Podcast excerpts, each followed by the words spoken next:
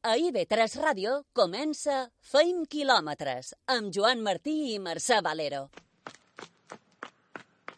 M'he aixecat amb ganes de cercar la llibertat, de posar-me xandall i deixar d'estar aturat, agafar-se de l'ou i bugar al contravent, ser capaç de creure que pots el meu millor intent.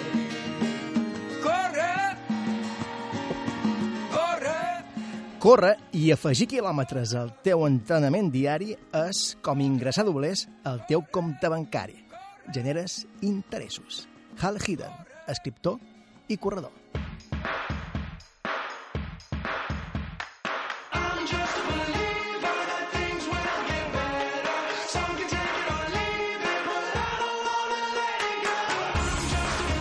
Córrer sempre és una inversió en tu mateix. Parlarem avui amb Nicolàs Harne, anys i anys estalviant per invertir-ho ara tot en fer quilòmetres arreu del món. La volta sencera en moto. Connectarem amb ell des del Camerún.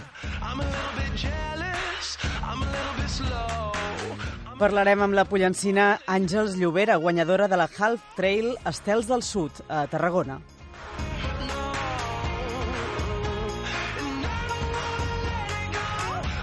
I divendres comença la setena edició del Trail Menorca Camí de Cavalls. Guillem Bosch, responsable d'Elite Chip i organitzador de la cursa, ens explicarà les novetats d'enguany.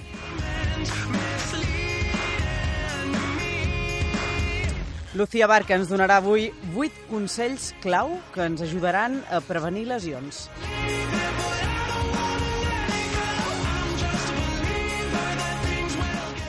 I cantarem a capella, amb Carlos Sunyer, cançons a capella vàlides i motivadores per fer esport.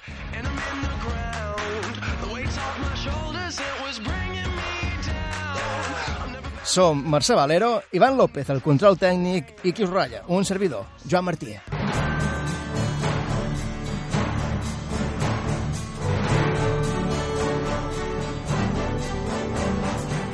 Miguel Ángel Fidalgo i Judit Pujol guanyen la mitja de Formentera. que enguany celebrava el desè aniversari amb una participació de més de 1.500 participants. Una hora, 11 minuts i 46 segons va fer Fidalgo i una hora, 24 minuts i 27 segons Pujol. Corredores i corredors van plantar cara al vent, que va ser el gran protagonista. Bueno, en algun tros sí que l'he notat molt perquè, bueno, soc un pes ploma i de seguida el que hi ha vent ho noto molt. Però, bueno, ha sigut sobretot els últims quilòmetres i com que anàvem amb bici al costat m'ha anat animant i, bueno, s'ha fet més lleuger. He venido con la intención de conocer Formentera y, y correr y creo que era la mejor manera y la aconsejo a todo el mundo. Yo soy balear, no conocía Formentera, era hora y estoy encantadísimo. Un ambiente muy familiar. El millor local, quart de la general, el formenterer Martí Juan. A punt va estar de fer podi, va, ser, va fer els 21 quilòmetres en una hora, 15 minuts i 45 segons, pocs segons per darrere del tercer classificat, que va ser Guillem Simonet. Bé, la veritat que superbé. Volia intentar fer podi general, m'he quedat a 20 segonets, però bueno, primer local, he fet marca personal de mitja marató i millor marca aquí de Mesa Formentera, que feia uns quants anys que se me resistia a baixar.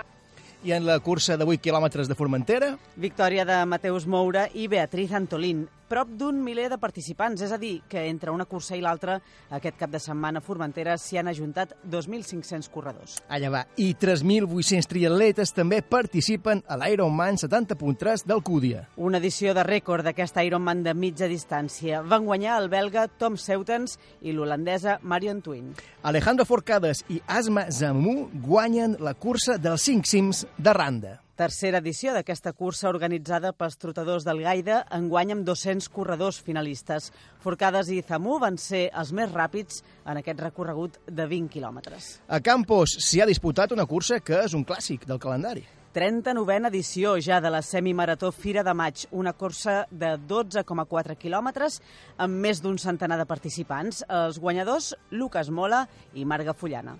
I disputada la primera cursa, en aquest cas, Corre Portupiel. Convocada en motiu del Congrés Nacional de Dermatologia. Més de 200 participants entre la cursa de 4 quilòmetres i la de 9 i mig.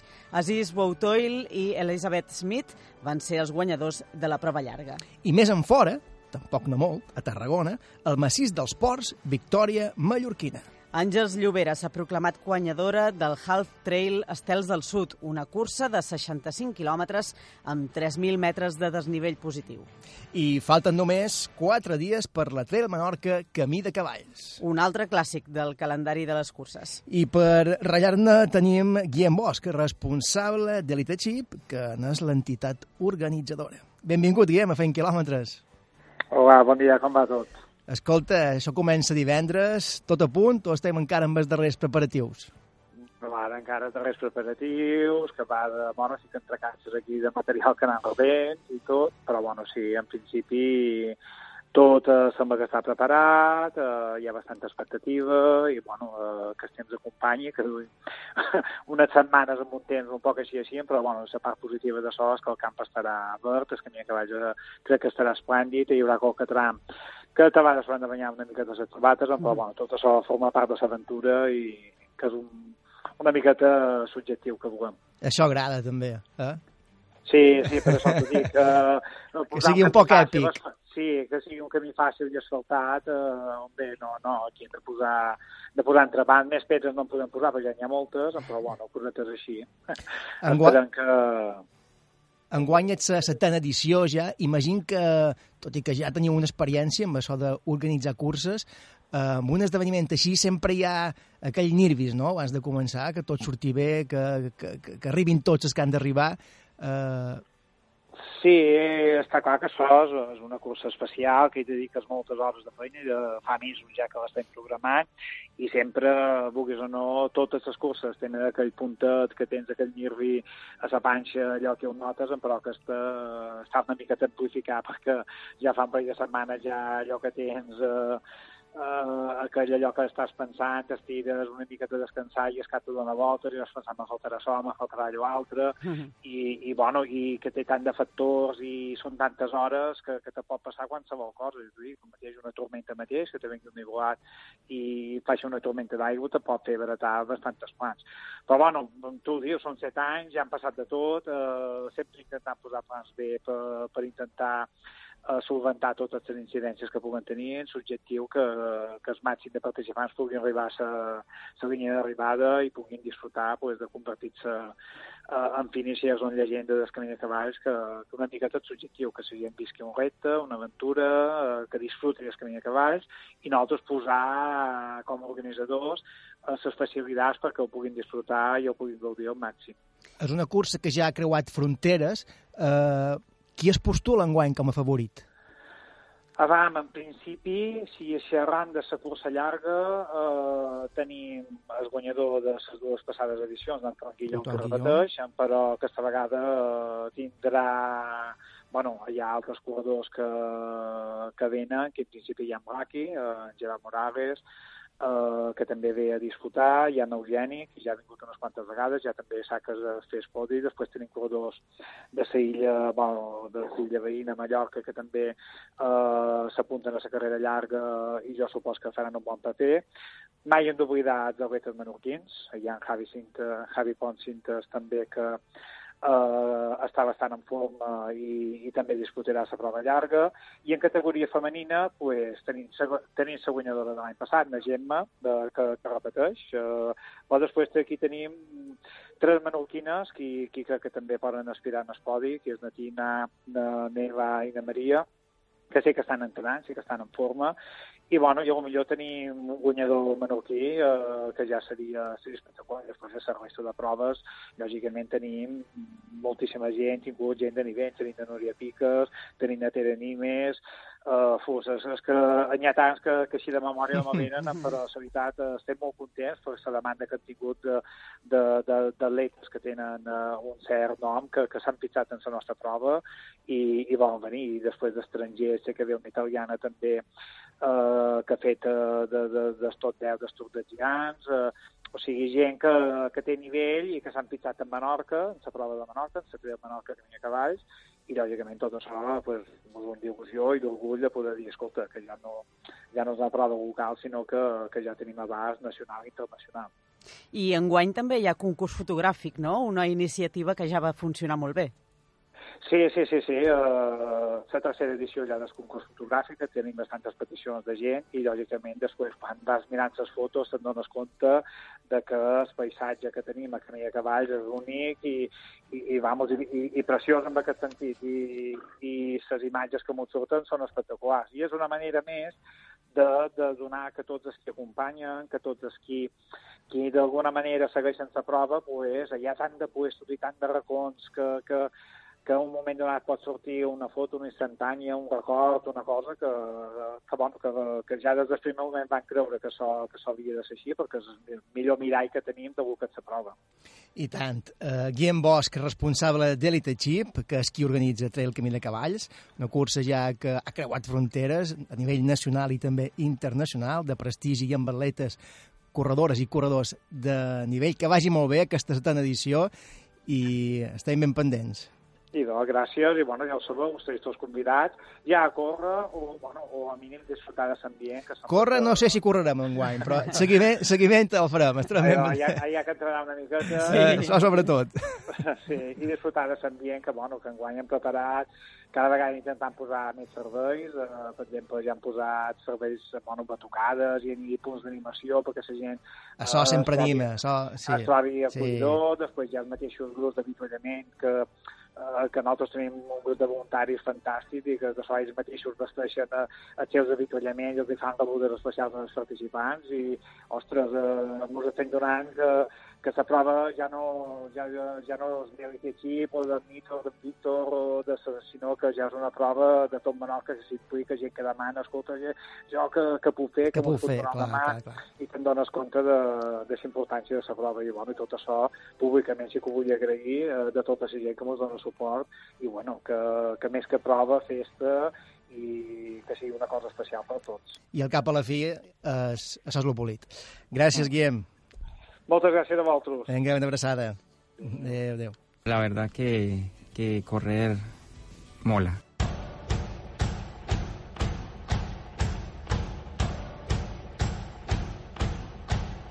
Enguany ja no hi arribàvem, Mercè. No. Any que ve, any que ve mos hi apuntem. I ja sabeu que, a més de trobar-nos aquí, a Beta Ràdio, també som a xarxes socials. Som a Facebook, som a Twitter, a Instagram i també a Spotify. I també tenim pàgina web, fentquilòmetres.com, i allà hi penjam les notícies i les entrevistes que fem aquí en el programa. Com dèiem, també ens podeu trobar a Spotify, a la llista FKM, Fent Quilòmetres, i allà hi posem tota la bona música que sona en aquest programa. Tenim xip. Tenim xip. Visca 20 quilòmetres!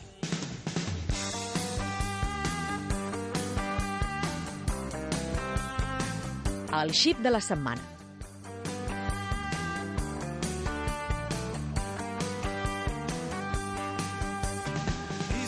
El xip de la setmana és el dorsal número 500 i guanyadora de la Half Trail Estels del Sud. Parlam de la pollencina Àngels Llobera, que ha cobert els 65 quilòmetres de la prova amb un temps de 8 hores, 24 minuts i 45 segons. Àngels Llobera, benvinguda i enhorabona, enhorabona eh? Hola, bon dia. Moltes gràcies. Com estàs? Has recuperat ja? No, encara les cames un poc tocades, però a poc a poc. Escolta, com, com va anar aquesta, aquesta carrera? Era, era d'un dia, aquesta, eh? Sí, eren 65 quilòmetres. 65 quilòmetres en 8 hores. Com, com va anar? Va anar bastant bé. Bé, bastant bé, molt bé. No, per, per, result, per resultats ja, ja es veu. Les sensacions no, i, teves van, van ser bones? Per les sensacions també. Llavors, jo darrerament entrenant havia complit el plànings d'entrenos mm. i me notava bé físicament. El que la darrera setmana vaig tenir problemes, de problemes. Hi va haver la mort d'un familiar per a mi i, evidentment, el cos no, no estava com per competir ni la ment tampoc. Clar. I res, me'n vaig anar allà i vaig dir, bé, sortirem que no ho faig mai. Vaig dir, sortiré a tope i ja veurem fins que aguanti el cos. Me la vaig jugar una mica, però va anar bé, va anar bé. Va respondre i amb bones sensacions, a més. Per tant, va ser una victòria que va tenir al final una dedicatòria especial. Sí, sí, tant. Anava dedicada totalment a la meva predina i, i la cursa, és vera, el que dic, la vaig gestionar de principi a final forta. Vaig sortir ja davant i tot el temps vaig mantenir la posició. Clar, al final me pensava que tenia les altres més a prop, que m'anaven pitjant, i supos que si no hagués afluixat una mica. Però en aquest, Però, cas, bueno... tu, en aquest cas tenia la padrina, que t'empenyia i corria, corria amb tu. Sí, uh, sí. Uh, uh, escolta, sempre contes que no t'agrada mai repetir cursa. Aquesta era la primera vegada, no?, també? Sí, aquesta és la primera vegada. Era a Tarragona, en el mm. Parc Natural dels Ports. Era una zona que jo no coneixia, no, no hi havia corregut mai, i l'organització m'ha convidar i com que per data m'anava bé, en principi havia d'anar fent-ne una per etapa més a juny, però degut a aquests problemes no vaig poder anar, doncs vaig dir, s'ha d'aprofitar aquesta oportunitat. I, I sí, és un terreny que és molt de córrer. La darrera cursa que jo havia fet havia estat a Picor d'Europa i era tot el contrari, un terreny super tècnic, amb molts desnivells, i allà no, era una cursa que anava per dins Alzinar, Pinars i muntanya, que segons ells consideraven tècnics, però nosaltres aquí acostumats a la Serra de Tramuntana tampoc no ho era tant. Mm. I era una cursa molt de córrer i va ser guapa. Llàstima que hi va haver una part de la cursa que estava tot emboirat i quasi no, no se veia. Oh. I després me'l va ploure com a tres hores, però bé, ja estem acostumats. Això és part del joc. Escolta, Àngels, i com està anant aquesta temporada? La veritat és que bastant bé. Ara començaran les coses fortes, comencen ara. Perquè quines, final... són, i quines són aquestes això, coses? Això volem que... saber. Home, ara a final de juny tinc uns 90 quilòmetres de Montblanc, que és un, ja, ja és una ultra així potent. Després, per juliol, me'n vaig a l'Aneto, que mm -hmm. aquesta vegada fer la Vuelta, Mm. Vale? L'any passat vaig fer l'ultra i enguany faré la volta, que són 55 quilòmetres, però la part tècnica, la que més m'ha agradat de l'ultra. I després per setembre tinc Campionat d'Espanya d'Ultra a Valle de Tena. Ah, que guapo. I per octubre una de 105 a França, Festival de Templiers, i per novembre a Sud-àfrica. déu nhi no, no, no t'espanten tant de quilòmetres amb aquesta llista? No, no, me fa ganes. Jo vaig motivada. Pots dir que ara començarà a venir el bo. Fins ara havien estat curtes més curtes, però ara comencen a venir les que m'agraden. Es pot dir que el que havies fet fins ara, fins a aquest tram de temporada, era un poc una, o és un poc una preparació pel que ve a partir d'ara? Sí, sí. Yeah. Sempre gestionant la temporada així. En un principi són curses més curtes i després anem ficant ja quilometratge, que són les ultres i allà m'ho sent més còmode i, i el que més m'agrada. Molt bé, Àngels Llobera, guanyadora eh, de la Half Trail Estels del Sud, una prova que li serveix de preparació per tot això que vindrà ara, per tants i tants de quilòmetres. Moltes gràcies per haver estat a fent quilòmetres i molta sort per, amb el que vindrà d'ara endavant, també. Moltíssimes gràcies a vosaltres. I una abraçada. I... Vinga, fins aviat. Adéu, adéu, adéu, adéu. adéu. Ara nosaltres passarem per l'avituallament. L'avituallament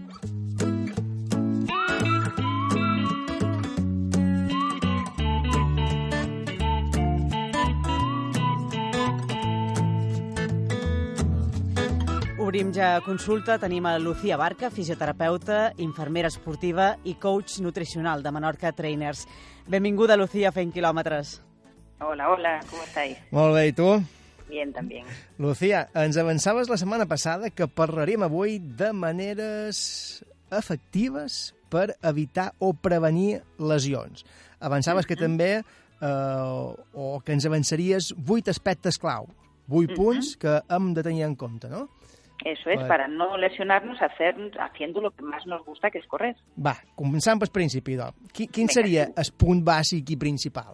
Básico y principal. Pues son muchos, pero este es muy importante. Cuidar la alimentación y la hidratación. Lo hemos dicho muchas veces, somos lo que comemos y no es un mito.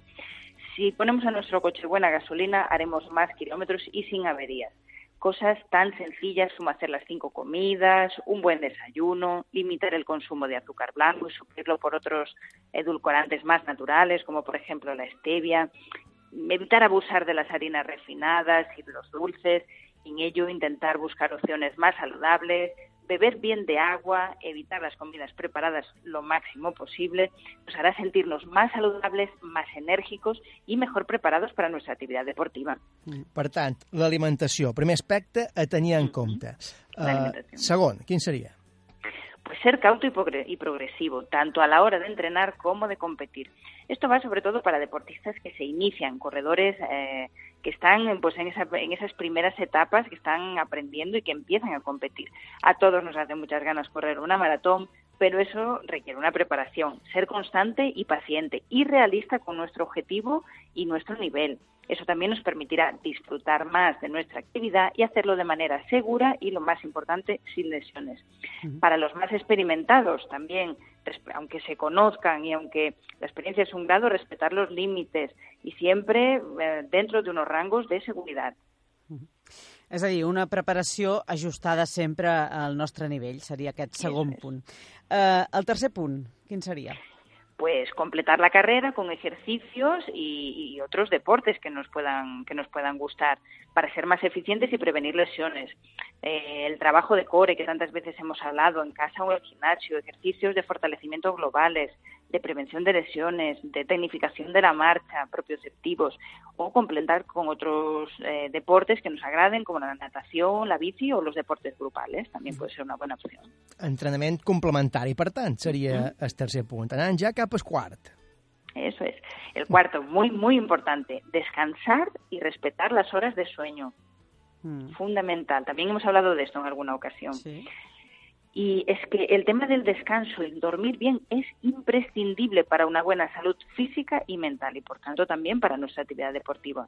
Si dormimos bien, la musculatura estará más descansada, más eficiente, además tendremos mejor humor y disfrutaremos más de la actividad, que también es fundamental.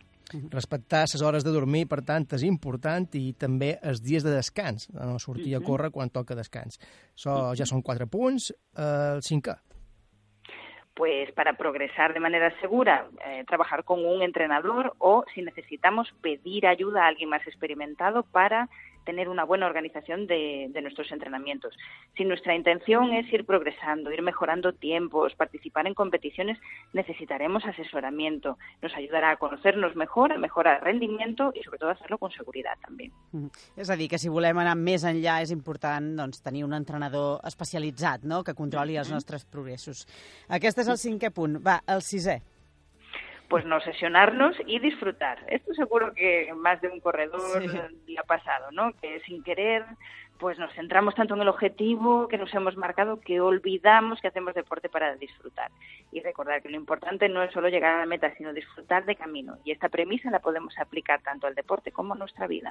És que quan l'esport es converteix en una obsessió, llavors ja no disfrutam. Uh, mm. Important no caure en obsessions. Ja en tenim sis, ara el setè pues visitar al fisioterapeuta periódicamente, uh -huh. hay que pasar la ITV.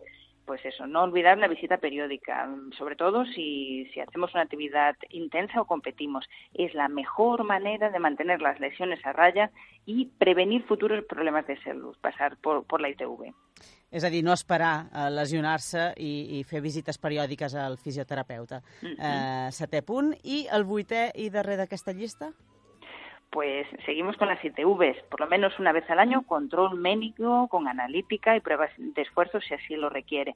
Para hacer deporte con seguridad, sobre todo si hacemos un deporte de intensidad competimos, eh, un control médico que nos diga que todo está bien para evitar sustos de importancia y, y siempre eh, bajo supervisió mèdica. Sempre ho dèiem, importantíssim aquest punt. Prova d'esforç, analítica mm. i control mèdic per saber que, o per comprovar que tot va bé.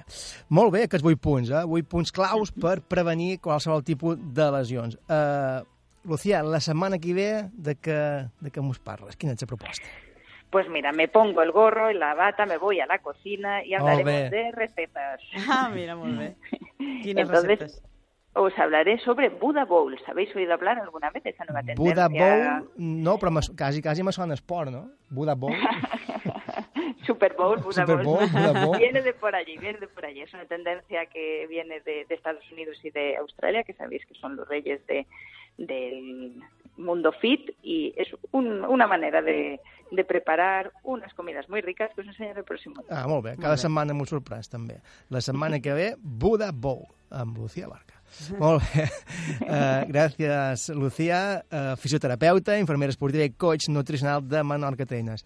Uh, la setmana que ve ens expliques això del Buda Bowl. Claro que sí. Molt bé. Un abrazo. Una abraçada. Adéu. Adéu, adéu, adéu. Adiós. I ara fem una aturada i tornem tot d'una amb una volta al món. Zona d'avituallament. Tot d'una continua, feim quilòmetres. L'entrevista.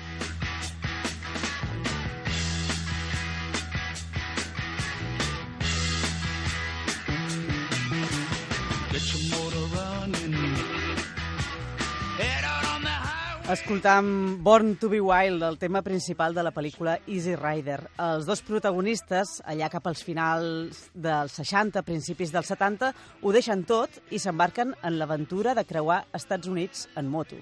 Idò bé, afegiu-li ara més emoció encara. Creuar no només Nord-Amèrica, sinó els cinc continents.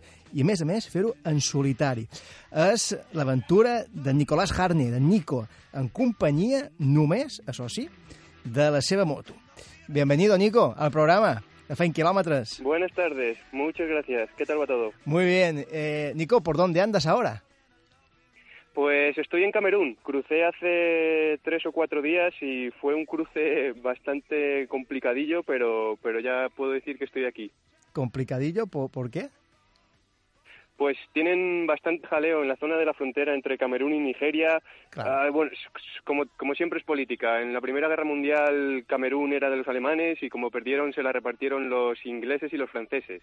Entonces, si ya es bastante difícil cuando un país te coloniza, cuando te colonizan dos, pues ya ni te cuento. Y tienen aquí pues un Cristo bastante bastante feo y están prohibidas eh, las motocicletas en la zona de la frontera con Nigeria y Camerún. Por lo tanto, tuve que pasar por bastantes controles, intentar explicarles lo que había, me intentaban hacer dar la vuelta y fue un poquito así, pero al final lo conseguí.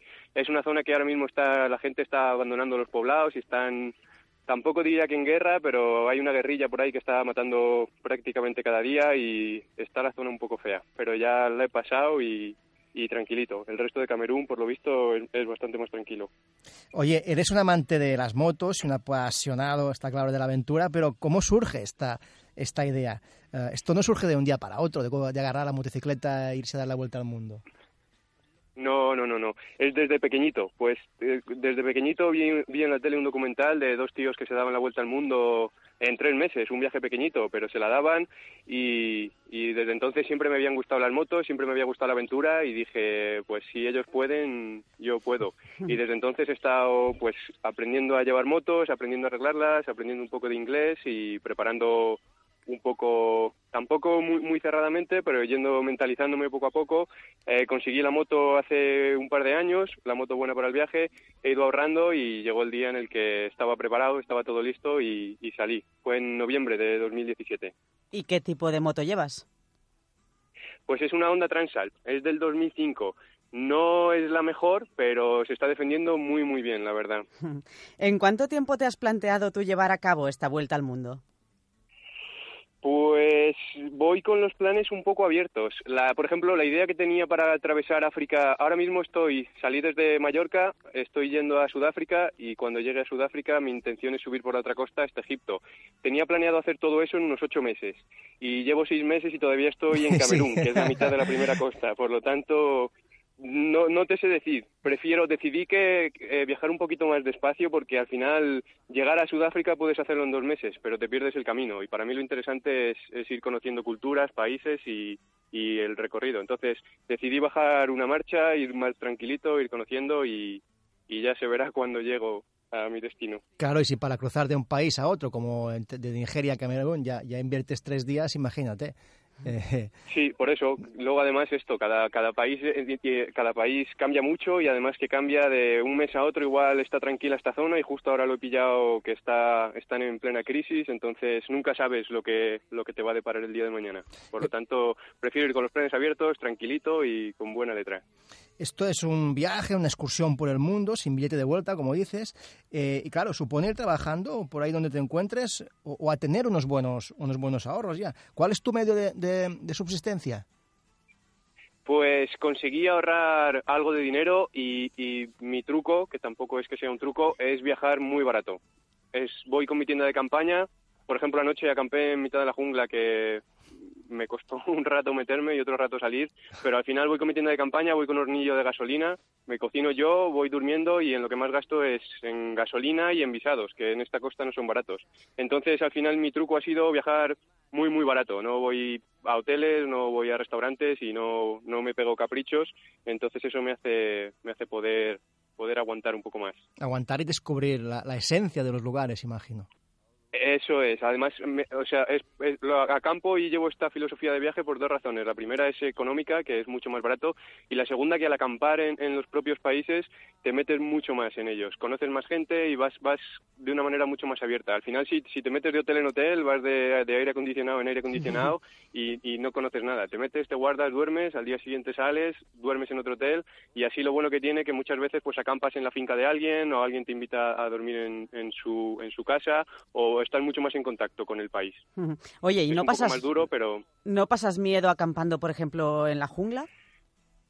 Pues al principio sí, al principio la primera noche en la jungla la recuerdo y no creo que la olvide porque se oyeron muchos, muchos ruidos y, y, al ser la primera en la jungla, normalmente cuando acampas siempre se oyen bastantes animales, pero en la jungla se oyen muchos más. Entonces la primera sí que no dormí muy bien, pero por ejemplo anoche que volví a dormir en la jungla, al final empiezas a reconocer un poco los ruidillos de los animales y también llegas tan cansado que no te da tiempo a pensar, a pasar miedo. Pasas 10 minutos y a los 10 minutos ya estás frito. No sé si oyes el rugido de algún león. No, es, no, es que... Ahí ya no se ha dado el caso, no se ha dado el caso, però supongo que dormiré peor esa noche, sí. Entrevistar amb Nicolás Harne, en Nico, un aventurer que madrileny, arrelat a, a Mallorca, que ha decidit fer quilòmetres pel món, passant pels cinc continents amb la seva motocicleta. Y de fondo, no sé si la oyes, estamos escuchando la banda sonora de Easy Rider. En tu caso, tu proyecto de, sí. sí, en tu caso, tu proyecto de vuelta al mundo se llama Ride Me Five y eres un auténtico influencer también en las redes. Se puede seguir tu viaje en YouTube, en Instagram, incluso en tu propia web. Es un poco como tu diario, ¿no? Esto. Correcto. Al principio comencé intentando intentando retransmitir. Hay mucha gente que, que le gustaría viajar y o no quiere o no puede hacerlo, por lo tanto me parecía justo para mí compartir pues lo que estoy viendo. Y en principio estaba un poco más enfocado hacia el viaje en sí, pero luego me di cuenta que en este tipo de viajes siempre estoy conociendo historias muy interesantes y personajes muy peculiares que están haciendo cosas espectaculares y poco a poco lo he ido derivando un poco, he hecho un mix entre, entre el viaje y la gente y las historias que me voy encontrando. Y por lo que vemos, mal equipado no vas, ¿eh? porque casi casi está rodando, no, no, está no, rodando una película, tienes ahí un dron y todo también. Sí, sí, sí, fue mi inversión más cara, prácticamente costó lo mismo que la moto, pero al final el punto de vista que le da cambia. Por ejemplo, esta mañana he estado tirando unas tomas en, en la jungla y, y, al final cuando lo ves a, a de suelo mola mucho, pero cuando lo ves desde el aire le da un punto de vista bastante más guay. ¿Y luego qué haces? ¿Te conectas a la red y vas montando? ¿Tienes tu propio programa de edición? Sí, sí, sí me traje mi portátil, soy autosuficiente. Voy, voy grabando por el camino, voy encontrando historias, llevo un par de cámaras pequeñas de aventura que, que algunas llevo en el casco y, por ejemplo, muchos policías no saben lo que son, entonces te piden soborno en algún control y llevas la cámara y le grabas la historieta, entonces esas cámaras sacan tomas muy guays y luego voy con mi ordenador. Cada, cada par de semanas paro unos días y me pongo a editar el vídeo, busco wifi en algún sitio, en algún café o en, o en algún sitio donde pueda encontrar wifi, lo subo y a, a, continuar con el siguiente capítulo. Oye, ¿y en tu casa qué dicen de todo esto? Pues la verdad que me han apoyado mucho. Sí que he conocido gente que, que no le apoyan tanto porque, porque al final es una decisión que tampoco es fácil, ni, ni es la más segura, ni muchas veces es la más inteligente si piensas con la cabeza, pero, pero tengo que decir que me han apoyado, vamos, me apoyan en todo lo que pueden. Me dan muchos ánimos cuando me hacen falta ánimos y, y me dan un soporte logístico cuando me hace falta algo y, y la verdad que no puedo estar más contento con ellos. Imagino que estarás en contacto con ellos, eso sí, ¿no? Porque ahora te han oído decir que duermes en la jungla, no sé, yo soy tu madre y te digo, Nico, eh, vuelve Intent a casa. Sí, sí. Sí, Sí, sí. Ah, lo bueno que también llevo haciendo esto tiempo y se han ido acostumbrando. Al principio igual no les hacía tanta gracia, pero saben que, que es mi sueño, que quiero vivir así y que es lo que me hace feliz y, y lo entendieron en su día y lo respetan 100%. Y sí, ahora con las redes sociales al final es bastante más fácil. Los primeros viajes que hice no había WhatsApp, no había Facebook y no había redes sociales y era un poquito más aventura y más desconexión. Y ahora mismo en cuanto encuentras wifi que, que encuentres en muchos sitios, pues al final estás en contacto a través de las redes sociales con, con quien quieras, con el mundo. Claro, porque este no es tu primer viaje así en plan Easy Rider, ¿no?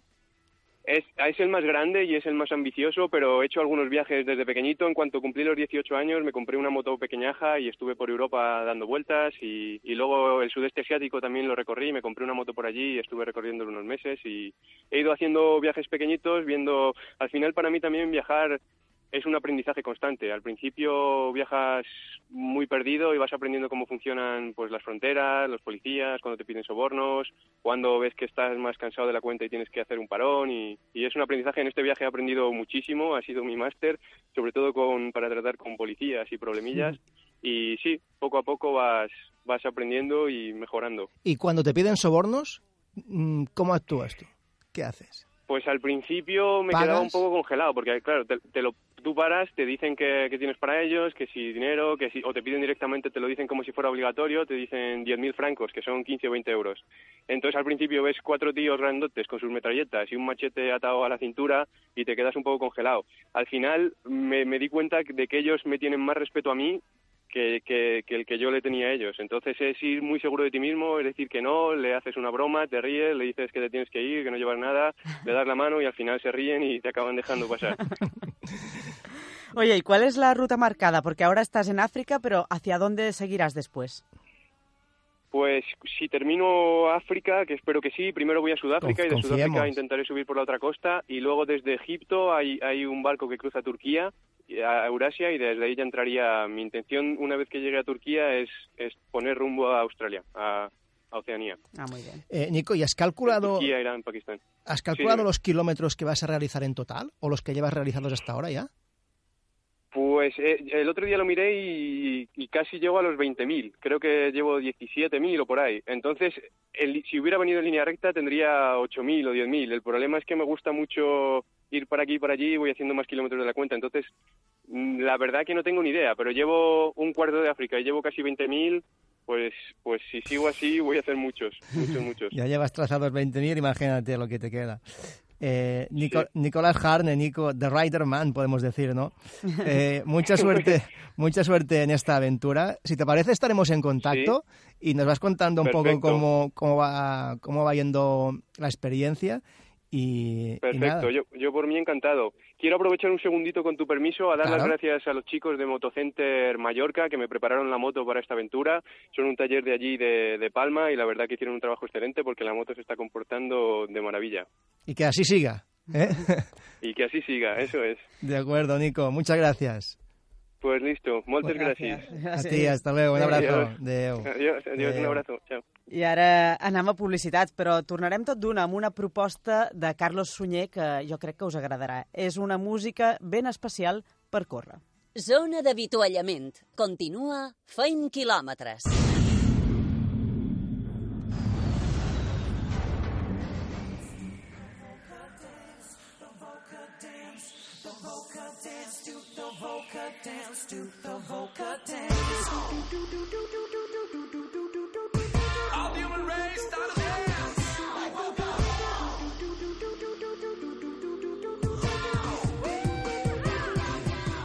No sé si coneixeu aquesta cançó, si l'heu sentida mai, però té una cosa d'especial i és que no hi ha absolutament cap instrument.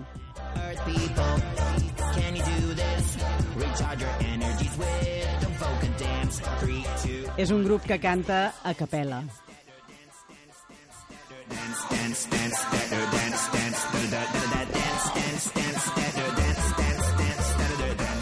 No ho sembla, eh? però sí, sí, és, és a capella.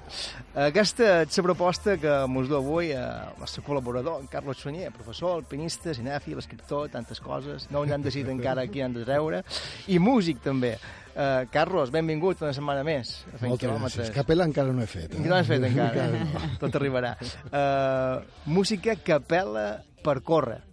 mm, que té d'especial, d'especial la capella per, per córrer? Mira, t'explic. Capella, eh, clar, és, un, és una disciplina musical que està entre la virtut eh, estètica, com podem escoltar de fons, i la filigrana, filigrana purament lúdica.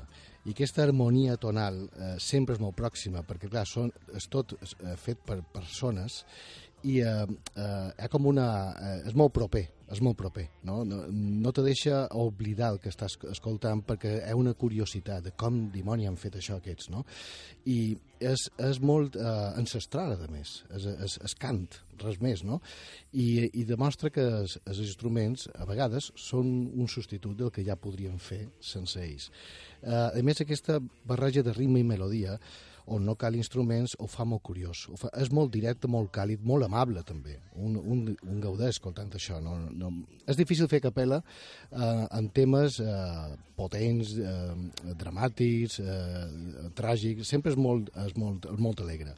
Això ve d'Itàlia, eh, per això es diu capella, perquè eh, són les restriccions d'instruments que hi havia a les esglésies cristianes de l'edat mitjana va fer que, que d'aquí ve Can Gregorià, de fet, no? Uh -huh. I per, per això que té aquest nom. Suplir instruments amb veus, jo crec que endolça i captiva, de més. I aquesta en concret que escoltàvem al principi, quina, quina és? Això és Bocadans, de, ells se diuen Boca People. Són uns israelians que barregen, com hem escoltat, capella i també beatboxing, eh, que ho fa eh, molt modern i tot fet amb sons rítmics vocals.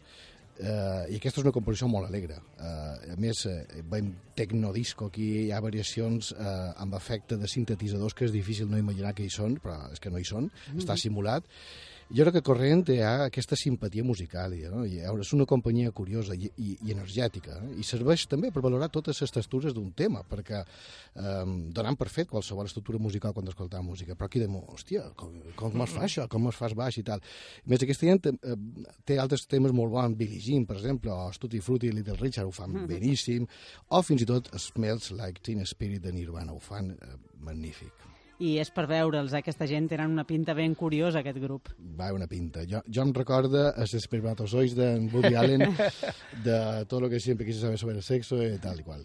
Uh, bé, però explicaré aquesta pinta. Uh, aquest, juguen a que mm, venen del planeta Boca i són alienígens que es comuniquen amb expressions musicals, és a dir, eh, vocals per no xerren, de fet no xerren mai, els concerts no, mai eh, usen el llenguatge verbal, sempre és eh, cantant o fent sons estranys. Bé, és una manera que tenen ells de, de, de, de fer una escenografia i, fer una, i teatralitzar una mica les seves actuacions ells aterraren a la Terra perquè se va acabar el combustible. I el combustible era l'energia musical. Ah.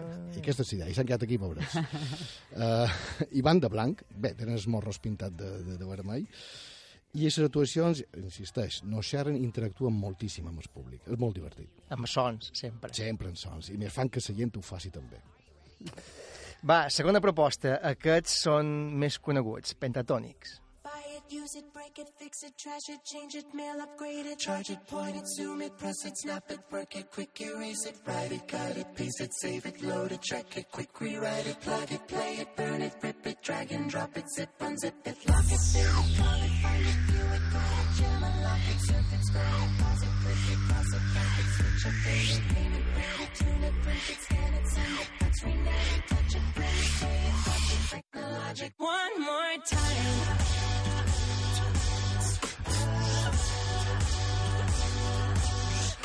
I la música que interpreten també és ben coneguda, però mm, no us sembla que no hi hagi instruments aquí? No us sembla, però també és una feina magnífica de producció. Clar, Total, clar, la combinació de, de, de seus sons que ja de, de per si fan, eh, aquesta combinació fa que arribis a dubtar, i dius, no, això és fals, no, no, no, no ho crec, però sí, aquest, són els pentatonis, com ja has dit, eh, això és, és, és Daft Punk, no? I, i aquest tema que va guanyar el Grammy, per cert, eh, ho fan de manera magnífica. Són de Texas, són cinc vocalistes, una mezzo-soprano, un baríton, un tenor, un baix i un beatbox, que està també fent filigranes allà darrere.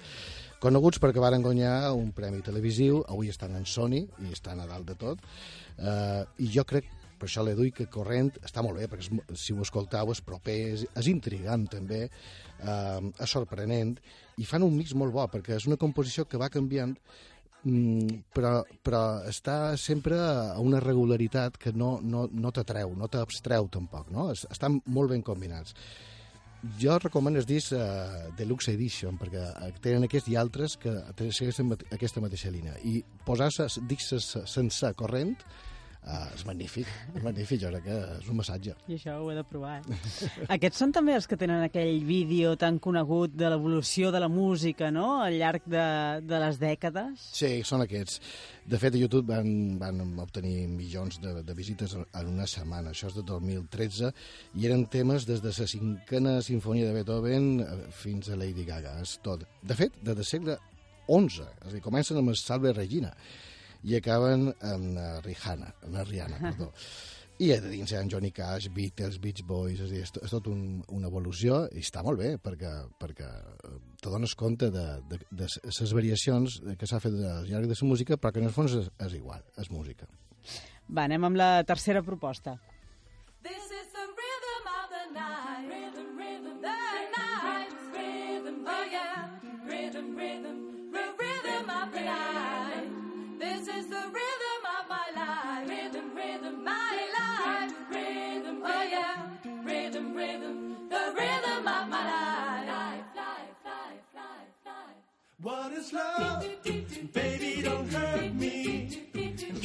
Aquest és un grup danès i jo, jo diria que fan una capella més autèntic, no? Ho és, ho és. Això són els Local Vocal, que són eh, un grup, eh, com bé dius, de, de nasos. Això és el 19th Dance a Capella Medley Mix i és xulíssim com ho fan.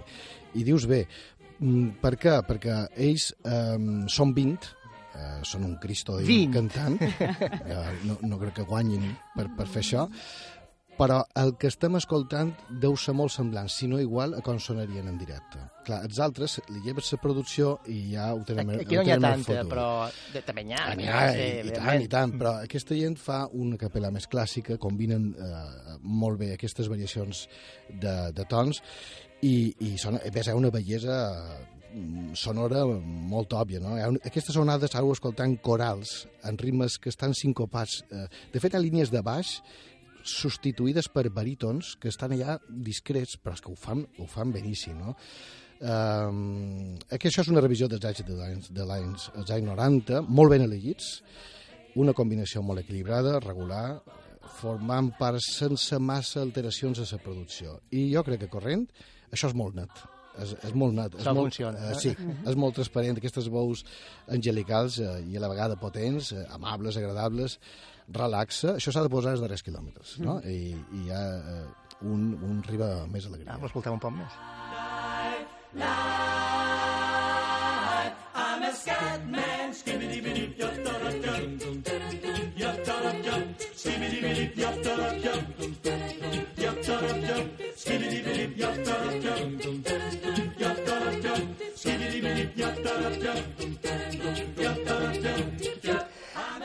Va, i ratllant de música a capella no podien faltar ells.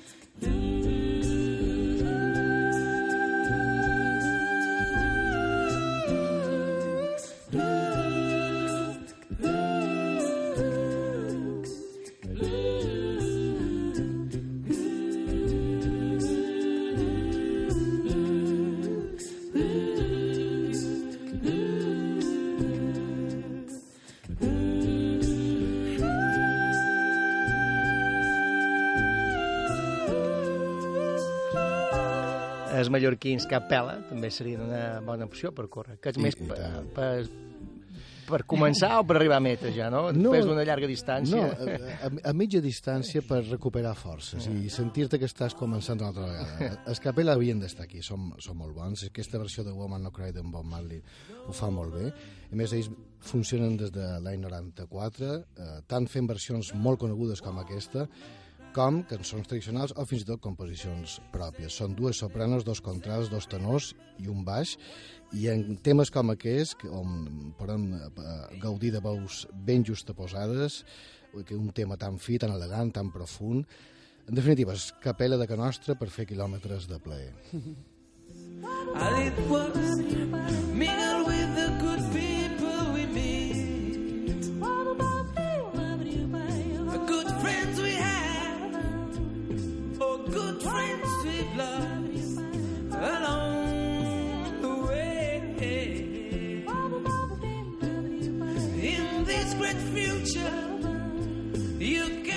I qui vulgui escoltar-los en directe ho pot fer perquè deu ser tota una, ex- una experiència. Al seu web tenen tot el calendari de concerts. Música de capella i d'altres capelles Mm-hmm. per córrer. Una proposta avui ben original, Carles. Te superes, eh, cada Gràcies, setmana. sí. No és fàcil, no és fàcil. No, jo ho sé, ho sé, ho sé. Moltes gràcies i t'esperam la setmana que ve. A vosaltres, Joan i Mercè, aquí estaré. Vinga, adéu.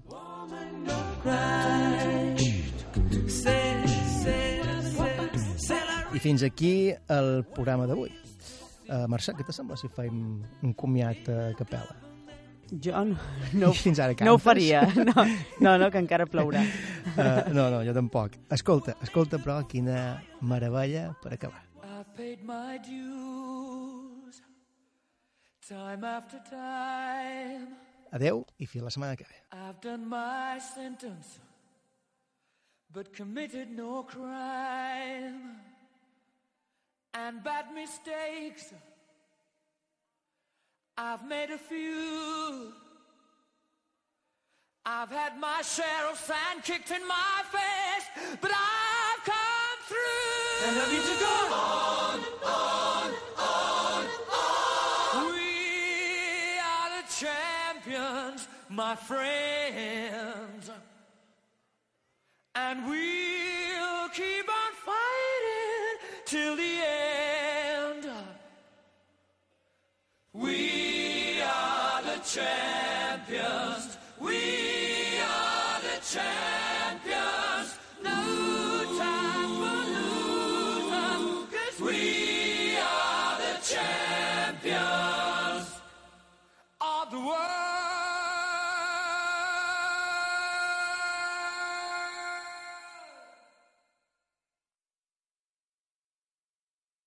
I've taken my bows and my curtain calls. You brought me fame and fortune and everything that goes with it. I thank you all. But it's been no bed of roses, no pleasure cruise. I consider it a challenge before the whole human race, and I need to go on, on, on, on. We are the champions, my friends. And we'll keep on fighting till the end. We